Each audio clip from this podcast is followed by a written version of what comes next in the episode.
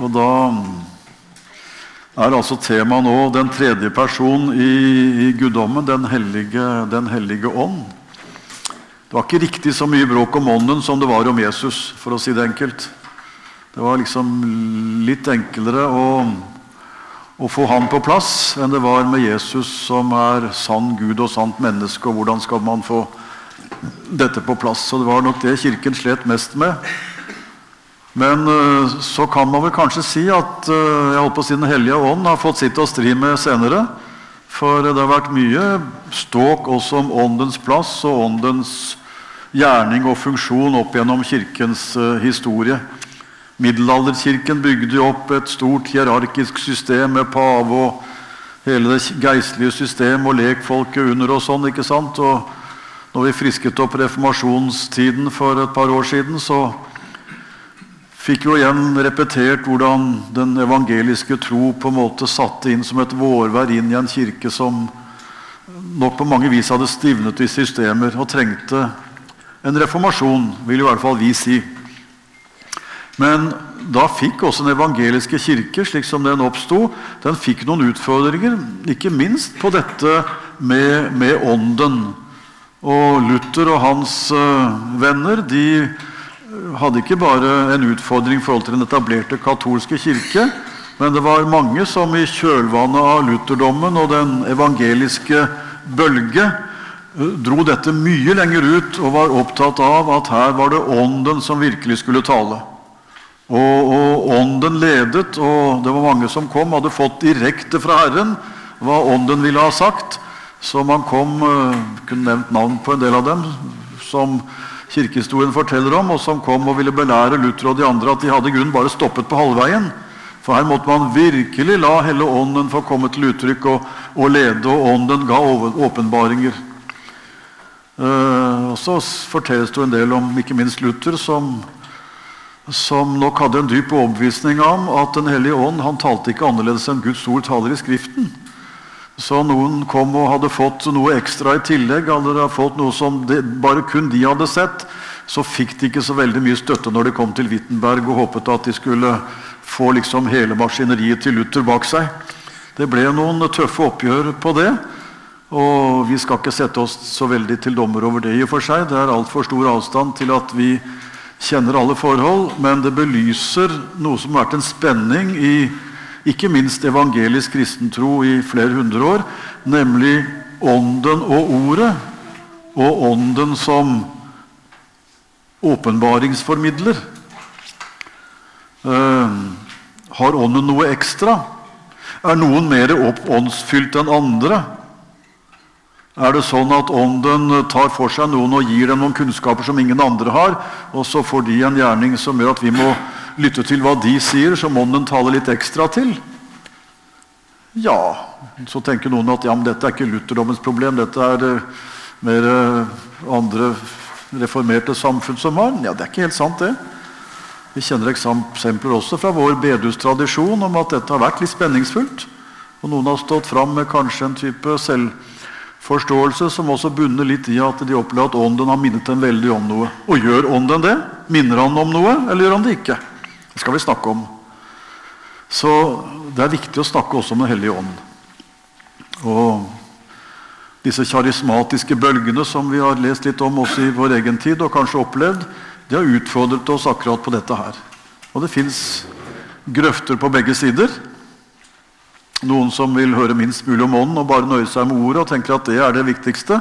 Og andre som ikke er fornøyd for ånden virkelig leder dem hvert eneste skritt og lar dem kjenne at man er drevet av ånden.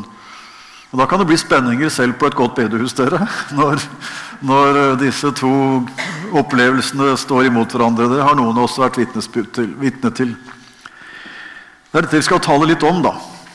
Og Så må du gjerne ha med spørsmål, for uh, dette er også mye vi kan snakke om. Hvor skal vi begynne? Jeg tror vi begynner i det som er litt godt og nært for oss. Kan vi ikke gjøre det?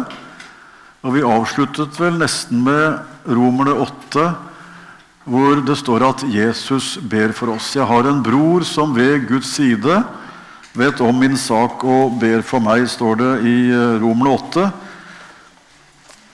Hvis vi tar det samme kapitlet, blar opp dit en gang til, så altså Romer 8 er for det første et av de mest innholdsrike kapitlene i hele Paulus sin brevlitteratur. Der er det 10-12 bibeltimer minst bare på det ene kapitlet. Men det står noe om både Jesus og Ånden der som det er fint å se i sammenheng. Eh, vi sa i går husker du, som var der da, noe om at det flotte med å være en kristen er å kunne be til Far. Vi siterte fra Matteus 6, hvor Jesus lærer disiplene å be og sier dere skal ikke be med mange ord, slik som hedningene gjør, for dere har en far som vet hva dere trenger til. Så bønnens grunnleggende gave er nettopp barnet som får komme til far og si 'far', og ikke ha behov for å bruke mange ord eller flotte forklaringer, for far vet hva jeg trenger til før jeg kommer. Men han vil så gjerne at jeg kommer, for det å komme forteller jo at jeg kommer til ham og hører ham til. Så bønnen er jeg på å si, mer til for min skyld enn for Guds skyld. Dere har en far. Og så er det jo godt da å vite at vi som lurer på ber vi godt nok og rett nok og alt sånn, hvis vi skulle være i tvil om det, så har vi nå sagt i første time i dag at jeg har en bror som ved Guds side ber uavlatelig for meg. Og Det er godt å vite. Men Paulus har én sak til som han vil ha med når han underviser om bønn, og det er også Romerne 8, um, vers 26 og 27. Der taler han om håpet som vi har, og at vi håper på noe vi ikke ser, og venter med tålmodighet. Og Det er ikke bare enkelt det, å vente på noe som man skulle gjerne man så mer av. Vente, ville se mer av. Og så står det på samme måte Romer 8, 26. På samme måte kommer også Ånden oss til hjelp i vår svakhet. For vi vet ikke hva vi skal be om for å be rett. Er ikke det litt kjekt at også Paulus sliter med det? Du husker jo han hadde tornen i kjøret, som det står om i 2. Korinterbrev 12. Dette som forstyrra han så veldig. Og Paulus ba jo veldig om at Gud måtte ta det bort, for Gud måtte da skjønne at dette sto i veien for Paulus. Så Paulus regner vel med et ganske kjapt bønnesvar, tror jeg. For han ba jo virkelig om å få krefter til å fullføre misjonsoppdraget. Men da lærte Paulus at denne gangen ba han feil. For Gud hadde ikke tenkt å gi Paulus det han ba om. Han ville tvert imot at han skulle beholde denne plagen så skulle det bli klart at det var Guds kraft og ikke Paulus sin kraft. Så skjønte Paulus det. Men det var kanskje da bl.a. Paulus lærte noe om at bønn det er en sak som det er godt at jeg ikke er alene om. Og Kanskje det er en av årsakene til det han skriver her i Romen 8. For da står det Vi vet ikke hva vi skal be om for å be rett. Paulus og du og jeg, pluss en del andre. Men Ånden selv går i forbønn for oss med sukk uten ord. Hører du det? Ånden selv går i forbønn for oss. Noen vers lenger nede sier han at Jesus sitter ved Faderens høyre hånd og ber for oss. Men så har han sannelig også med et avsnitt om Ånden, som også går i forbønn for oss.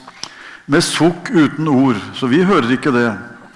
Og det og Han som gransker hjertene, altså Gud, vår Far, han vet hva Ånden vil. Og så kommer det For det Ånden ber om for de hellige, det er etter Guds vilje. Og jeg tenker jo ut fra dette omtrent som så at når jeg ber Ja, jeg har en bror ved Guds side som ber for meg. Både når jeg ber og ikke. Men jeg har også en bror til han kalles ikke bror, men han er Den hellige ånd. Han kalles min talsmann, han kalles min trøster. Han har mange gode ord som jeg får lov å bruke på han. Og et av dem er at han ber for meg. Og jeg tror jeg vil si på basis av ordet her han ber sammen med meg. Og Hvis jeg skulle si det veldig søndagsskoleaktig, så ville jeg sagt at når jeg ber, og prøver å be så godt jeg kan, ikke for akkurat å tilfredsstille Gud, men legge fram det jeg har på hjertet, og Da tenker jeg vel som Paulus at det er vel ikke alltid Gud syns at det var sånn jeg burde bedt. Eller at kanskje ikke dette Gud ville gi meg, men hvordan tar Gud det, tro? Liker han det dårlig? Da tenker jeg motsatt. Det er så godt at når jeg ber, så ber Den hellige ånd også. For han ber for meg, og det han ber om, er etter Guds vilje. Og da tenker jeg liksom litt sånn søndagsskolespråk hvis jeg skulle sagt det til søndagsskolen, så ville jeg sagt det sånn at dere, det er ikke så farlig om ikke du ber helt sånn perfekt. Det venter ikke Gud. Og så er det så veldig godt at vi har Den hellige ånd. Han ber sammen med oss. Og når du ber, og så sier du kanskje Gud, kan ikke du gjøre sånn og sånn og sånn, og så, og så tenker Gud at det, er vel ikke helt det jeg tror det er best for deg.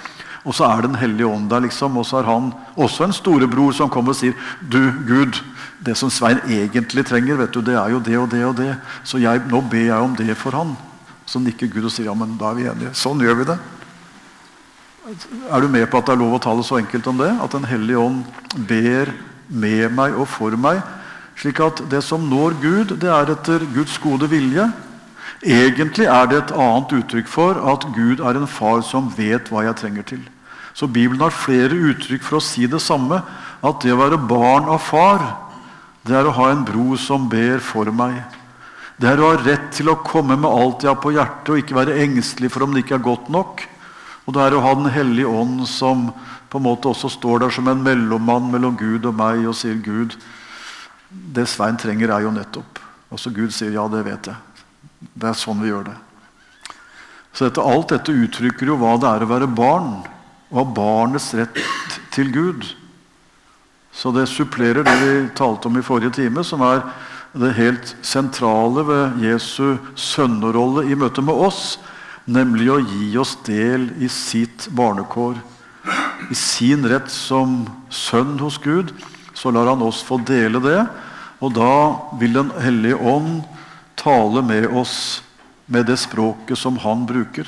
Og Den hellige ånd som gir oss anledning til å si 'Abba'. Og som siste sitat fra Romer 8 så kan du også lese vers 15. Det så noen av oss på her i pausen. Dere har ikke fått den ånd som slavene har, sier Paulus. Så dere igjen skulle være redde.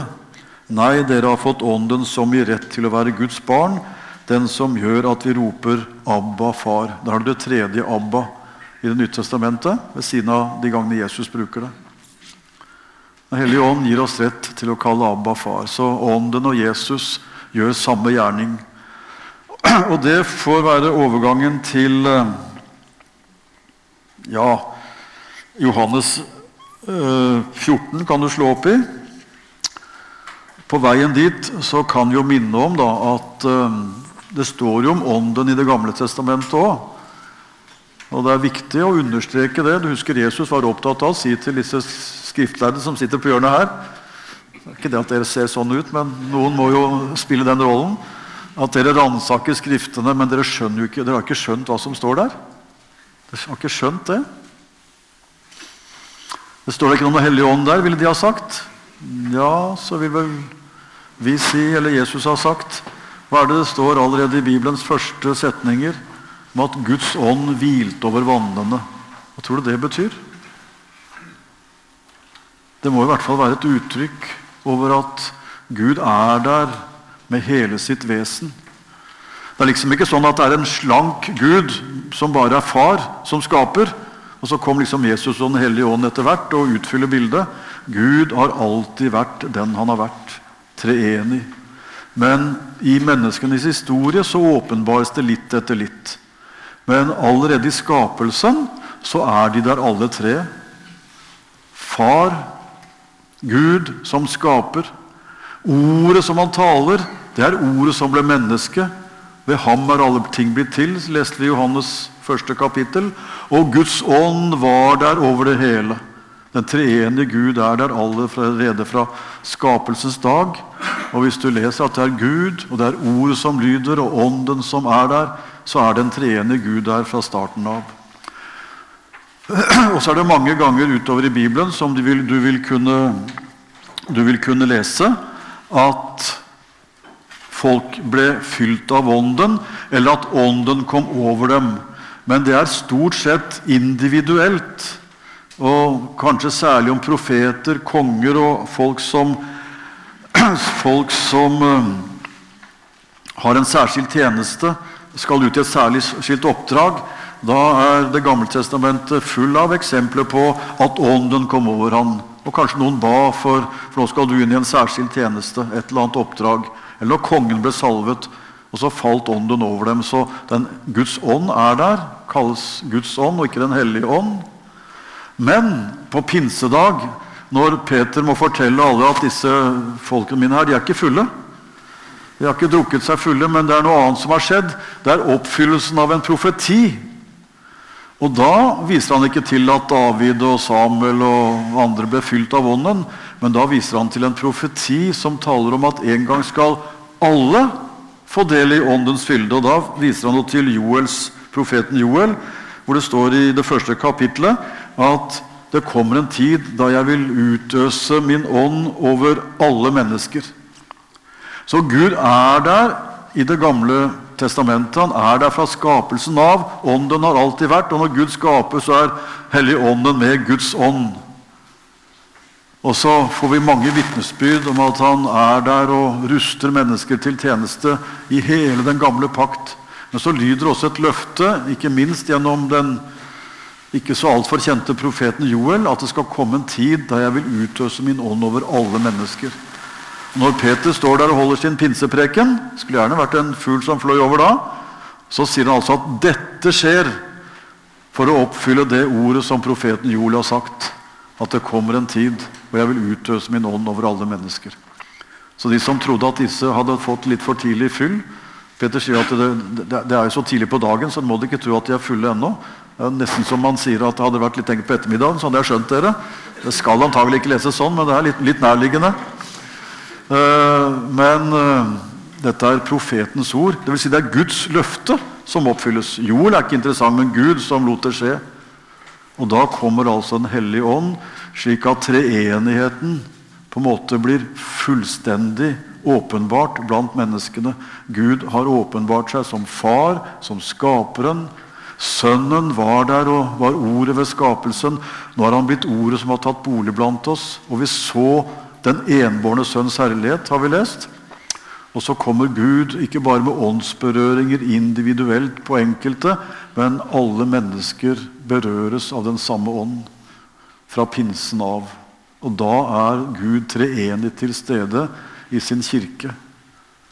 Og Så kan han si til disiplene, som han sier i apostelgjerningene 1 at dere skal få kraft når Den hellige ånd kommer over dere, og dere skal være mine vitner. Jerusalem, Judea, Samaria og like til jordens ende. Apostelgjerningene 1,8. Sånn taler Jesus til oss, da. For det er ikke et ord til apostlene kun. Den kristne kirke har det løftet at 'jeg er med dere alle dager', og dere skal være mine vitner. Og Hvis du syns at det var en tøff oppdrag å få, så sier Jesus dere skal få kraft når Den hellige ånd kommer over dere. Og Den første oppfyllelsen av det løftet er pinsedag. Men det løftet oppfylles gang etter gang når du og jeg kalles og settes i stand til å gjøre en tjeneste for Jesus. Så hvis du tror at det løftet bare oppfylles når du får en skikkelig enorm opplevelse av åndens nærvær, så tar du feil. Den hellige ånd er like nærværende i en hverdagslig tjeneste som du får lov å gjøre for Jesus. For det er han som leder deg, leder deg til det. Vi skal se på noen vers Jesus underviser om til disiplene, og så skal vi se på noen eksempler. I hvert fall ett. Eh, vi må nok gå til Johannes eh, hvor vi har vært før, i avskjedstalen, disse tre kapitlene, 14, 15 og 16. Eh, vi nevnte vel at Johannes lyttet nok veldig godt da. De skjønte at nå blir det ikke noe fortsettelse som det har vært. Nå er det siste gang vi hører han undervise oss, og de noterte, og vet ikke om, men de hørte i hvert fall alt det han sa. For nå, nå skjønner altså Hvis det er siste gang du er sammen med en før han drar til Amerika for godt, da hører du, Det er ikke bare vær du snakker om, er det vel? Sånn var det ikke med Jesus og disiplene heller. De talte lite om været ellers, og enda mindre denne siste kvelden. For da skal vi få høre det de aller mest trenger. Så Romene 14, 15 og 16 er viktige ord om Den hellige ånd for det er blant noe av det Jesus er mest opptatt av at disiplene skal få høre. At når han nå forlater dem, i betydningen ikke gå sammen med dem, at de ser han, så betyr ikke det at han er mindre nærværende. Men en tredje person i guddommen, nå skal han bli synlig hos dem, sånn at Gud med alt sitt nærvær skal være der. Jesus er der, både i himmelen og med dem, men ikke synlig. Men Den hellige ånd, som de ikke har hørt så mye om, for på dette punktet er disiplene fortsatt gode jøder som tenker at Den hellige ånd han vil nok vise seg. og Det står et løfte om at han en gang skal komme for alle, men det har ikke skjedd ennå. Så Det hadde vært veldig kjekt om vi fikk litt av ånden, da. Sånn som David og Samuel og de andre store fikk i den gamle pakt. Og så sier Jesus at Den hellige ånd skal komme. Den hellige ånd skal komme. For dersom ikke jeg går bort, står det i 16,7, så kommer ikke talsmannen til dere. Men jeg går bort, og da kan jeg sende ham til dere. Så at jeg nå går bort, i betydning ikke går fysisk synlig med dere, det oppfylles holdt på å si, mer enn ekvivalent ved at Den hellige ånd nå kommer, han som er talsmannen. Og han skal, sier Jesus, overbevise verden om synd og rett og dom. Det betyr altså at han skal være i budskapet, sånn at det får kraft i seg. At det gjør noe med mennesker. Dette taler Jesus om til, til disiplene. Nå skal vi lytte til noen av Jesus-ordene om Den hellige ånd. Både Jesus og brevene, altså evangeliene og brevene i Det nye testamentet har mye stoff om ånden. Men rent sånn pedagogisk sett så vil jeg si begynn med Jesus. For det han sier om ånden, er det grunnleggende. Og så kommer bl.a. Paulus på flere kapitler og sier noe om det som er konsekvensen av det. Så rent pedagogisk, gjør som disiplene. holdt jeg nær sagt. Lytt til avskjedstalen først, og så tar du det derfra. Det er den gode måten å gjøre det på, for da får du hovedsaken klar. Hva er det viktigst for Jesus å få sagt om ånden denne kvelden? For det skjønner alle at denne kvelden så sier Jesus nå er det viktigste som må sies. Det de trenger aller mest å høre. Vi ser på noen vers. Først i kapittel 16, da, hvor vi har slått opp. Når sannhetens ånd kommer, jeg er fra vers 13 nå, leser rolig da skal han veilede dere til hele sannheten. Den hellige ånd, Guds ånd, Gud i ånden, veileder til ikke bare sannheten sånn stykkevis og delt, men hele sannheten. For han skal ikke tale ut fra seg selv. Altså, Ånden driver ikke et privatfirma i guddommen. Og det har nok litt sånn utartede deler både på Luthers tid og senere hatt en tilbøyelighet til at Den hellige ånd driver liksom en privatvirksomhet på si. Så de av oss som er så heldige å virkelig få åndens grep og gripe Han, vi, vi, har noe ekstra å gi tilbake, så da må dere komme og høre på oss, for nå har ånden talt til noen av oss. Nå parodierer jeg litt, men i ytterste fall så har det blitt litt sånn. Jesus er veldig nøye på å si at når ånden taler, så taler ikke han ut fra seg selv. Han skal herliggjøre meg, sier Jesus. For han skal ta det som er mitt, og forkynne det for dere. Og Jesus kommer fra Faderen, og dermed har Jesus sagt Den hellige ånd han gir videre det som kommer fra Gud. Den hellige ånd driver ikke en, en satellittvirksomhet i Guds rike med eget firma. Den hellige ånd er Gud som talsmannen, som er den tredje personen i guddommen, men like fullt Gud. Og det er altså ikke noe, det er ikke noe misforhold mellom det Gud sier, det Jesus sier, og det Ånden sier. For det er den samme Gud. Og Det er derfor vi som kristne må ikke gå i fella til dem som sier at det største problemet med kristendommen det er jo at de sier de er en monogam religion, men egentlig er det en polyteistisk. Dvs. Si, de sier at de tror på én Gud, men egentlig så tror de på tre. Den må vi ta med rota med en gang og si det er ikke det vi lærer. Det er ikke den Gud vi kjenner. Men vi kjenner en Gud som møter oss på tre vis. Tre personer i én Gud, men det er Han jeg har å møte med hele veien. Og Ikke minst er det viktig å si det når vi snakker om Ånden, for det er nok han som i størst glad har risikert å bli separert. Ikke fordi han sjøl gjør det, men fordi vi har gjort det. Og liksom Ånden blir en sånn kraftkilde ved siden av, som noen er heldige å få litt mer av enn oss andre. Sånn taler ikke Bibelen. Og Jesus aller minst. Den hellige ånd, han skal herliggjøre meg. Og Det tenker jeg, det er så tydelig sagt at jeg vil si det viktigste kjennetegn på Den hellige ånd, det er at Jesus blir stor. Altså Der Jesus løftes fram som vår bror, som vår frelser og forsoner, hvor det tales sånn om Jesus at han står fram som han vi talte om i forrige time, da kan du være rimelig trygg på at det er Den hellige ånd som taler.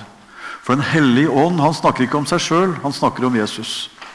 Og Det er det viktig å understreke. dere. Og Det er da vi tøyler iveren, som i og for seg er sympatisk, etter å få kjenne mye av åndens fylde.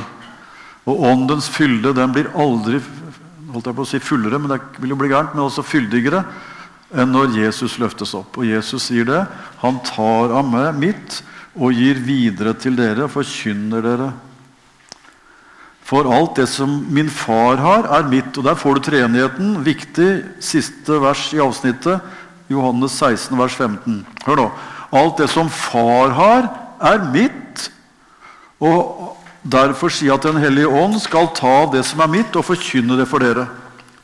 Så det Ånden gjør, det er på en måte å fullende sendelsen Far, Sønn, Hellig Ånd. Ikke i rangrekkefølge, men i funksjonsrekkefølge. Og det er noe helt annet. For du må liksom ikke rangere guddommen. Det er tre personer igjen.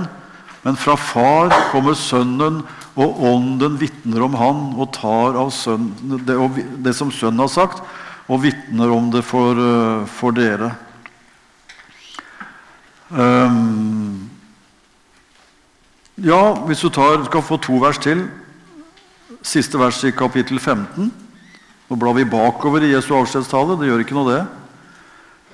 1526. Når talsmannen kommer, han som jeg skal sende dere fra far. Sannhetens ånd som utgår fra far. Har du det igjen? Utgår fra far. Jeg sender. Det er ikke noen konkurranse mellom far og sønn, for det er én Gud. Da skal han vitne om meg. Tre ganger i alle fall så sier Jesus eksplisitt Den hellige ånds oppgave er å vitne om meg. Men også dere skal vitne, sier han. I forlengelsen av det. For det, Den hellige ånd skal gi dere kraft, så dere kan være mine vitner, som vi siterte fra apostelgjerningene. Fra Gud Fader til Sønnen, til Ånden og til disiplene. Og fra Ånden til oss er det en rangrekkefølge, men ikke før. Da er det en funksjonsrekkefølge men så får vi altså være vitner fordi Den hellige ånd vil bruke oss. Og Hva kjennetegner et vitne i den kristne kirke? De forteller om Jesus. For det er det Den hellige ånd vil. Når man taler veldig mye om ånden og lite om Jesus, da trives ånden veldig dårlig. For hans oppgave er å gjøre Jesus stor, forherlige Jesus. Og Derfor er jeg veldig glad i uttrykket i Johannes 14, kapitlet før igjen. Vi får ta med det også vers 26. Men talsmannen, Den hellige ånd, som Faderen skal sende i mitt navn, han skal lære dere alt og minne dere om alt det jeg har sagt dere. Altså Den hellige ånd skal lære dem. Det betyr at han skal formidle troens innhold. Og skal han minne dem om alt det jeg har sagt. Og jeg må nok si, rent personlig, så hadde ikke jeg hatt noe imot å være litt mer karismatisk enn det jeg er. Det har jeg tenkt noen ganger. Jeg skulle gjerne hatt litt mer sånne opplevelser. Men uh, samtidig så tenker jeg at det, det har gått greit uten. Så, så, jeg tenker jeg har vel fått, fått, det, fått, det, jeg skal ha. Og så tenker jeg at vi er forskjellige sånn. Sagt litt i spøk, men litt i alvor også. Uh, jeg hadde ikke hatt noe imot å tale i tunger. Sikkert helt sikkert noen her som har det, og takker for det. Om Gud hadde gitt meg den gaven der, så hadde jeg tatt imot den og sagt det hadde vært fint å oppleve. men Gud har ikke syntes at jeg skulle ha det, tydeligvis. Og da plages jeg ikke med det. Men jeg har et sett av karismatiske opplevelser som jeg forteller om, og de tror jeg kanskje flere har. Det er liksom mine, min sånn ti på topp karismatisk opplevelse. Og det er, det er nesten den eneste jeg har, da. Og det er Johannes 14, 26. Den hellige ånd skal minne om det Jesus har sagt. Jesus sier Den hellige ånd, et viktig kjennetegn på ånden, et hovedkjennetegn, det er at han forherliger Jesus, og så minner han om det Jesus har sagt. Og det har jeg opplevd mye, altså. Det kan jeg fortelle. Det har jeg opplevd masse av. At Den hellige ånd minner om det Jesus har sagt. Og Der jeg opplever det mest, det er i den situasjonen jeg er i nå.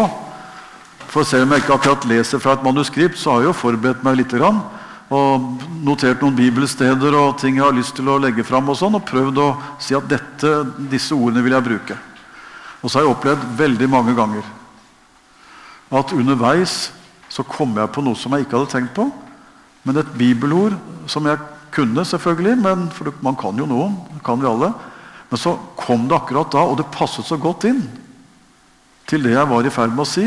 Noe som ikke jeg hadde tatt med. Men jeg tenkte, dette hører jo med. Så kommer jeg på det, og så legger jeg det inn. Jeg kan ikke begripe annet enn at det er et uttrykk for det Jesus taler om i Johannesevangeliet. At Den hellige ånd minner om det Jesus har sagt. Og Det gjelder selvfølgelig ikke bare forkynnere, og prester og pastorer. Det gjelder enhver kristen. Så det gjelder deg også, at Den hellige ånd vil minne om det Jesus har sagt. Men da tenker jeg at det er en betingelse som også jeg må oppfylle. For det å minne om, det er jo å be deg huske noe du har hørt før. Hvis jeg kommer løpende og sier at det har skjedd en ulykke oppe i gata her, da sier jeg ikke at jeg skal minne dere om at det var nettopp en katt som ble påkjørt her oppe. For det er jo ikke å minne om. Da er det en nyhet. Hvis jeg sier 'Husker du hva som, da vi var på tur for to år siden, og det og det skjedde?' Da minner vi hverandre om noe. Og minne er altså å løfte fram noe som jeg vet, men ikke alltid tenker på. Det er å minne om. Og da tenker jeg Det jeg kan bidra med, det er å gi Den hellige ånd noe å minne meg om. Og det var det litt mye klang her, men eh, det er kanskje mulig å justere det litt. Det er en utfordring som du og jeg skal ha. For når vi sier at Gud gjør alt, jeg skal ingenting gjøre, så er det helt sant når det gjelder frelsen og nåden. Men når det gjelder råstoffet til den tjenesten jeg står i, så har jeg et ansvar for at Den hellige ånd skal få noe min meg om. Og Det er der jeg er litt redd for en del åndelighet for tiden, som veldig gjerne vil kjenne åndens virkninger, og sånn, men å ta tid til å lese i Bibelen hver dag, det er man ikke så opptatt med. Og Da tenker jeg at risikoen er stor for at du kan blande sammen din åndelighet med Guds. For Guds åndelighet den er koblet imot Skriften og vitnesbyrdet om Jesus. Og Derfor er jeg litt urolig når jeg leser om undersøkelser i kristne magasiner, og kanskje erfarer også litt sjøl, at jeg syns det er litt skrøpeligere bibelkunnskap blant mange også bedehusfolk enn for en generasjon siden. Og når avisen Dagen for ikke så altfor lenge siden kunne også legge fram undersøkelser som bekrefter at det som kalles også kristne stridende A, eller kjernetropper, faktisk ikke leser daglig Bibel så mye som de gjorde før, så tenker jeg at da har vi trøbbel. Det vil si, da får Den hellige ånd det litt vanskelig. For Den hellige ånd han trenger én ting som jeg må bidra med, og det er å lese Guds ord. For ellers så har han ikke noe å minne meg om. Og Det beste ånden kan gjøre, det er å minne meg om det Jesus har sagt. Og Hvis ikke jeg lar Guds ord få plass i mitt liv, så står Den hellige ånd der omtrent som en håndverker som er bestilt å reparere et hus, og så ber han sette verktøy i bilen og komme uten. Hva skal han gjøre da, da? Og Det er litt sånn, tror jeg, hos noen. Vi tenker at Den hellige ånd han, han driver jo på eget firma, så han kan vel komme og gi meg en kraftig opplevelse. Men det er et kjedelig daglig bibellesning. Nå holder jeg på et Domles bok. Jeg får ikke noe ut av det. Så det, det dropper jeg nå. Så tar jeg et andagsord innimellom. Ta det ikke ille opp, for jeg snakker ikke sånn at det gjelder deg. Men, men, men du skjønner hva jeg ville ha sagt. Hvis du ønsker, og jeg ønsker, at Bibelens ord om Den hellige ånd skal være realiteter i mitt liv og, og jeg har ikke så mye annet å skryte av enn at han minner meg om det han har sagt. Da må jeg i hvert fall ta vare på det. Hva må jeg gjøre da? Må jeg lese daglig Bibelen? Både de avsnitt som jeg umiddelbart takker for, og som går rett inn, og de som jeg syns var både tunge og ikke så veldig interessante. Men jeg kan ikke bare spise loff, vet du. Man må ha grobrød og tran og alt sammen. Og Guds ord har det alt. Og Hvis du ønsker å være en åndsfylt kristen, så må du gjerne be om å få bli det. Det er en bønn etter Guds hjerte. Men å be om å få Den hellige ånd i ditt liv mens la Bibelen ligge og støvet ned, det henger ikke sammen. Så det tror jeg vi må si veldig sterkt. Og hør nå ikke det som en sånn anklage, da, men hør det som en gave. Bibelen ligger der. Du får be og lese over den fritt. Det er ingen som tar den fra deg. Du har den gaven at du kan lese Guds ord hver dag og gi Den hellige ånd det verktøyet han trenger. Han som har så mye han vil gjøre i ditt liv. Og Det viktigste han vil gjøre, det er å la deg få et trygt blikk på Jesus, hvem han er. Så dette er jo helt i samsvar med det vi talte om i første time for, eller i går også, far som sender sønnen, og sønnen er min bror, og han skal jeg gå tett ved siden av. Da må jeg se ham. Hvem er det som hjelper meg til å se at Jesus er der? Det er Den hellige ånd. Hvordan kan Den hellige ånd vise meg Jesus? Ved at jeg leser i Bibelen og hører Hans ord. Syns du dette er en krevende oppgave, eller syns du det er en velsignet gave? Det er begge deler, men jeg syns aller mest er en gave. Det er aller mest en gave. Hva er det Paulus er opptatt av, da? Selvfølgelig det samme. Og Paulus han er opptatt av at eh, vi skal bli fylt av Ånden. Så vi kan jo gjerne ta med det uttrykket hvor, Peter, hvor Paulus eh, hvor, eh, hvor, Paulus skriver i Efeserne 5,18.: Bli fylt av Ånden. Og Kanskje vi må ta en ørliten stopp ved det holdeplassen som heter 'Hva er åndsfylde?' Hva er åndsfylde? Bli fylt av Ånden, sier Paulus. I motsetning til å bli fylt av vin og rusmidler, så er det mye bedre å bli fylt av Ånden. Det er nok de fleste av oss enig i. Men hva er det å bli fylt av Ånden?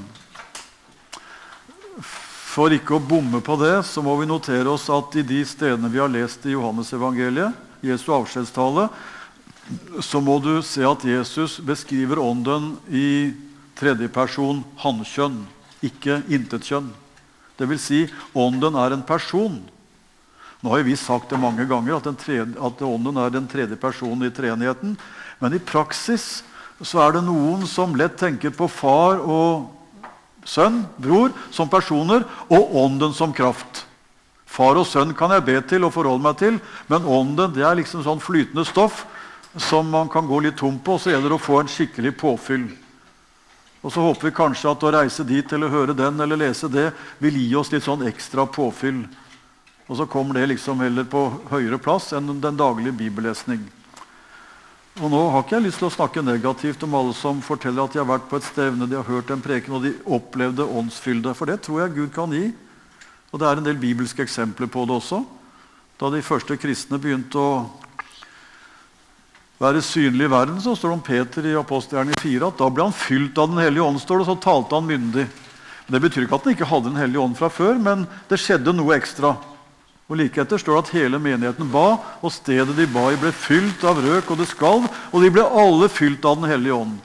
Så det er tydeligvis noe som jeg holdt på å si, som er litt ekstra. Men da er det forferdelig viktig hvordan vi taler om det. For den gale måten å tale om dette ekstra på er å tale om ånden som et flytende eller gasspreget drivstoff som vi kan få liksom påfyll av på en tom tank. Og Så lot Peter, Gud Peter få full tank, og så kunne han virkelig sparke fra. Og Menigheten trengte litt ekstra, så fylte Gud tanken med litt ekstra, og så ble det litt ekstra kraft. Det rimer ikke så veldig med hvordan Bibelen ellers taler om ånden. Han er en person. Og du vet, En person kan man ikke få litt eller mindre av. Uh, er vi gift, og det er jo noen av oss som er, så må vi slite med hele han eller hun vi har fått. må vi ikke det? Det går liksom ikke an å ta det stykkevis. Det har i hvert fall ikke jeg klart ennå. Har ikke en ønske om det heller. Så personer, det er vi hele av. Og Det må vi huske når det gjelder Hellige Ånd. dere. Husk at Den hellige ånd er en person, ikke et stoff. Men fordi det til ånden ikke bare er knyttet ord om vitnesbyrd om Jesus, men også kraft, så har Kirken ofte hatt en tilbøyelighet til å havne mer i kraftaspektet enn i personaspektet. Og så har man igjen havnet i den grøften at Den hellige ånd blir påfyll istedenfor en person jeg har. Paulus han bekrefter egentlig det der fordi i 1. Korinterbrev 12, hvor Paulus taler om åndens utrustning, så sier han så sier han uh, i vers 13 at ved, med én ånd ble vi og Nå bare må jeg sjekke at jeg ikke roter sammen versene, for nå begynte jeg plutselig å, å Jo, 1. Korinterbrev 12, vers 13. For med én ånd ble vi alle døpt til å være én kropp, enten vi er jøder eller hedninger, og vi fikk alle én ånd å drikke. Så han sier altså at vi er, vi er, like i forhold til Den hellige ånd. Det er ikke sånn at noen har fått mer av ham. Vi er alle døpt til én ånd, og vi har fått, alle fått én ånd å drikke. Og så sier han, og alt er i 1. Korinterbrev 12 nå, i vers 3 så sier han Ingen kan si 'Jesus er Herre' uten i Den hellige ånd. Og så sier Jesus, som vi har sitert han på mange ganger nå, at Den hellige ånd han kjennetegnes på at vi kommer til tro på Jesus. Det er ingen som kan si 'Jesus er Herre', altså bekjenne Jesus som Herre, uten i Den hellige ånd. Og Det betyr altså alltid der hvor en har gitt sitt liv til Jesus, så er det Den hellige ånd som har skylda. Ingen kan komme til tro på Jesus uten Den hellige ånd. Enten det er i dåpens vann, eller du kommer tilbake etter å ha vært runder ute i mørket utenfor, så er det Den hellige ånd som fra venstre side tar ansvaret, for det er han som gjør at ordet om Jesus når ditt hjerte. Det er ånden. Og han er en person. Og Derfor tenker jeg det er rett å si du har aldri mer eller mindre av ånden. Han er en person. Men samtidig er det nok rett å si at Den hellige ånd kan ha mer eller mindre av deg. For vi sier jo både om Jesus og om ånden at det tar bolig i mitt hjerte. Men i mitt hjerte dere, er det sånn at jeg har mulighet til å fylle det opp med andre ting, slik at til og med jeg merker at Den hellige ånd kan få det litt trangere enn jeg vet han ønsker å ha det. Fordi det fylles opp med så mange ting. Ikke alt er galt. Det tar plassen som han skulle ha. Og noen ganger kommer det ting inn der som overhodet ikke skulle vært der.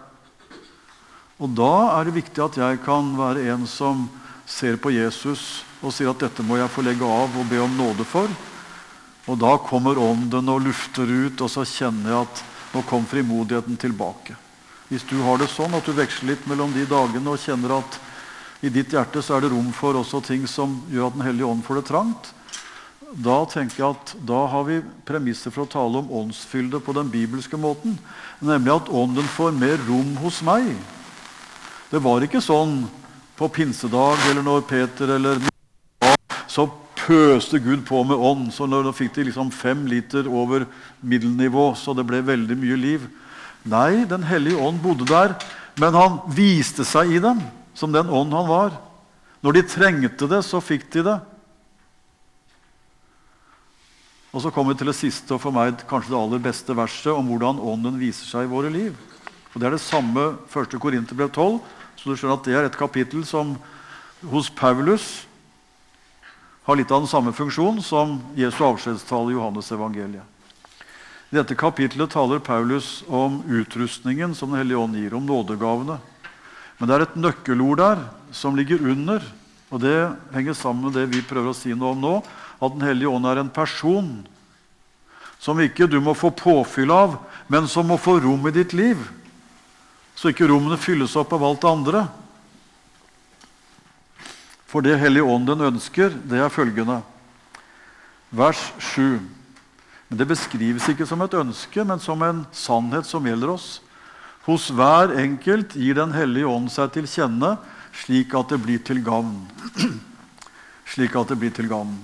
Og nettopp det at det står i presens, eller indikativ på grammatikken, som noe som beskrives som noe som faktisk er der. Det beskrives som et ønske. Det hadde vært veldig kjekt, sier Paulus. Det hadde vært så flott om Den hellige ånd virkelig kunne få gi seg til kjenne hos dere nå. Så det ble litt gavn av dere. Hvis du leser innledningen til korinterne, så hadde jeg antagelig skrevet sånn. For korintermenigheten den hadde så mye å slite med. Det var så mye rusk og rask i den menigheten at Paulus må stramme dem skikkelig opp. Så hvis jeg hadde vært Paulus, hadde jeg sagt det hadde vært veldig kjekt om Den hellige ånd hadde fått til plass hos dere, så det ble til gavn. Det hadde de trengt å høre. Det er ikke sånn Paulus skriver. For Paulus han forkynner evangeliet. han. Og også til korintere som slet med veldig mye, så sier Paulus Den hellige ånd gir seg til kjenne. Altså, Paulus har ikke en eneste unntak eller sier at så fremt dere ikke roter altfor mye til. da. Men sånn, i de fleste tilfeller så gir Den hellige ånd seg til kjenne. Hos enhver som bekjenner Jesus. Også de av oss som sliter, og som har masse vi skulle virkelig fått hjelp til. Hos hver enkelt gir Den hellige ånd seg til kjenne, slik at det blir til gavn. Og Så beskriver Paulus i kapittelet videre hvordan Den hellige ånd på ulike områder gir meg det jeg trenger for å tjene Jesus. Vi kaller det nådegaver. Og Det er helt umulig å lese dette kapittelet annerledes enn at hos enhver kristen, og da gjelder det deg som vet at du hører Jesus til, enda så skrøpelig som du kanskje er, så gjelder det til deg, det her. Den hellige ånd har tatt bolig hos deg. Hvordan kan du vite det, da? Du tror på Jesus. Det er det ingen andre enn hellige ånd som kan gjøre. Men når Den hellige ånd har gitt deg troen på Jesus, da er han også i ditt liv med det som skal være til gavn. Det vil si, Du skal få lov å tjene den Herre som har tatt imot deg. Og så er det altså ikke sånn, da, det er også Paulus, det skriver han i 1. Korinterbrev kapittel 2, at Gud utvalgte det som lite er, for å gjøre til skamme det som er noe. Han sier i 1. Korinterbrev 6 at han la den veldige skatten i lerkar, sånn som det sprekker fort, for at det skal være klart at den veldige kraften er fra Gud og ikke fra oss. Så Gud tenker altså ikke sånn at noen er jo kommet såpass langt på veien, så du får litt ekstra Den hellige ånd. Du er kommet så langt nå. For da kan folk virkelig se at Trond Kjartan er, det er noe å ha som forbilde. Gud tenker ikke sånn. Han tar oss skrøpelig, og jeg mistenker også for Trond Kjartan for en av dem. Og så sier han jeg legger det beste jeg har, i skrøpelig kar. Hvorfor? For at det skal bli klart at den veldige kraften er fra Gud og ikke fra oss. For det Gud er opptatt av, det er at folk skal se Jesus og ikke oss. Predikanter trenger å ha en ekstra dose av den ydmykheten. At det skal bli klart at en veldig kraft er fra Gud og ikke fra oss. Og Det er hovedgrunnen til at Gud velger det som er skrøpelig. For da blir han synlig. Så Gud er ikke solkongen som samler om seg de øverste i samfunnet for å synliggjøre sin posisjon. Han er en som samler de skrøpelige for å vise hvor god han er. Så Den hellige ånd han er hos deg fordi du hører Jesus til. Og så vil han vise deg, seg i deg i livet ditt, slik at det blir til gavn. Og Da er det én sak som kan være greit å huske at hva som er til gavn, det er det kjekt at du overlater til Gud å vurdere. For det er nok et av de problemene Gud har, det er nok at vi ofte vil fortelle han hva vi syns er til gavn, istedenfor å spørre hva vil du bruke meg til. Og det vet jeg Gud har slitt en del med. At noen har hatt egne planer om hva jeg bør tjene Gud med. Og Paulus hadde jo det, han, så vi er i godt selskap. Han skulle til Spania, han skulle det og det og det. Og denne tornen i kjødet den måtte ha vært en misforståelse fra Gud. Kunne ikke skjønne annet så var det altså ikke det, fordi Gud ville bruke Paulus til noe større enn et stort apostolat. Han ville bruke han til å vise Guds kraft. Og da var det bedre å beholde sprekken i karet enn å ta den bort. Og dere, Hvis du ønsker å bli brukt av Jesus, så be han vise deg det. Eller snakk med noen som kanskje kan be sammen med deg om det. Sånn at det å være til gagn, det er det han som velger. Og da fins det også mange oppbyggelige beretninger om mennesker som har opplevd åndens kraft. Som har opplevd åndens ledelse. For det er det mange vitnesbyrd om. Men det har hele tiden den retningen at det er Jesu tjeneste og hans navn som er sentrum. Og da trenger du ikke være redd for noe som helst, at det blir for mye av Den hellige ånd.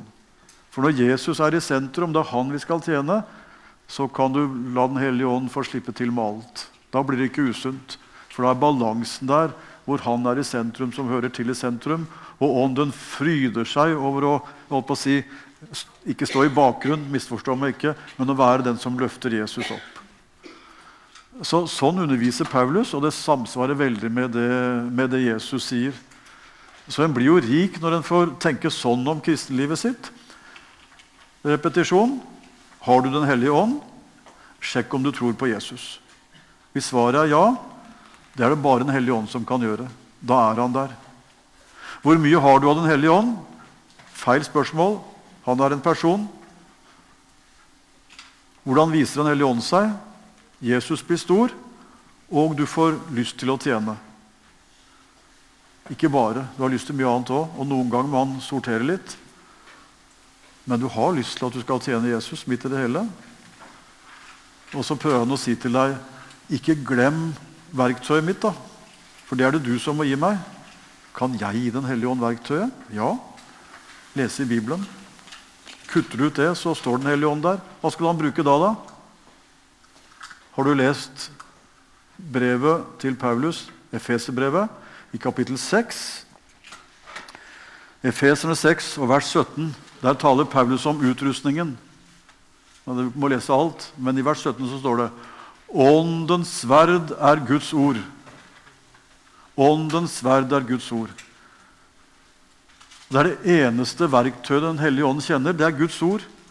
Og sverd det er da samleordet for alt det Den hellige ånd gjør. Så la Guds ord ligge er å stikke sverd i skjeden og la det være der. Og Det må, vil jo ikke jeg som en kristen. For jeg vil stride den gode strid, og jeg stikker ikke med det sverd som dreper, men jeg bruker det sverd som leger. Jeg bruker ikke sverd for å ta liv, men jeg bruker sverd for å gi liv. Jeg gir ikke, men Den hellige ånd gjør det. Hva trenger Den hellige ånd? At jeg bruker Guds ord. Dette er for alminnelige mennesker sånn som oss. da. Sånne skrøpelige som Gud utvelger seg. Så ingenting av det vi har talt i dag, ligger for høyt for deg og meg. For det er nettopp sånne litt halvskrøpelige hverdagsmennesker som Gud bruker. Alex Jonsson, biskop i Hamar, sa en gang at det beste bevis han visste om kristendommens sannhet, det var at den hadde eksistert i 2000 år på tross av de kristne. Og det syns jeg ikke var så dumt sagt. For da skjønner vi at den veldige kraft er fra Gud og ikke fra oss. Ja, skal vi si at uh, det får være nok? Det er grenser for hvor mye han skal ta med seg på en lørdag formiddag. Skal vi be sammen, også om vi skal synge eller gå rett på spørsmål, for du styrer. Kjære Hellige Ånd, vi har lov å be til deg også. Som vi har lov til å be til Jesus og be til Far. Og nå ber vi Hellige Ånd om at du må la Guds ord få gjøre Jesus stor og kjær for oss. Og vi takker for at du har tatt bolig i våre liv. Hele du i oss. Og vi ber om at du må minne oss om hvis du får det trangt, og at andre ting tar plass. Og vi ber om at du også minner oss om det verktøyet du trenger. At vi leser i ditt ord daglig. Og så får du vise oss hva som er til gavn i våre liv. Takk for at du tar bolig i det som er skrøpelig. For da blir det veldig synlig at det er du som er stor, og ta Gud som er god.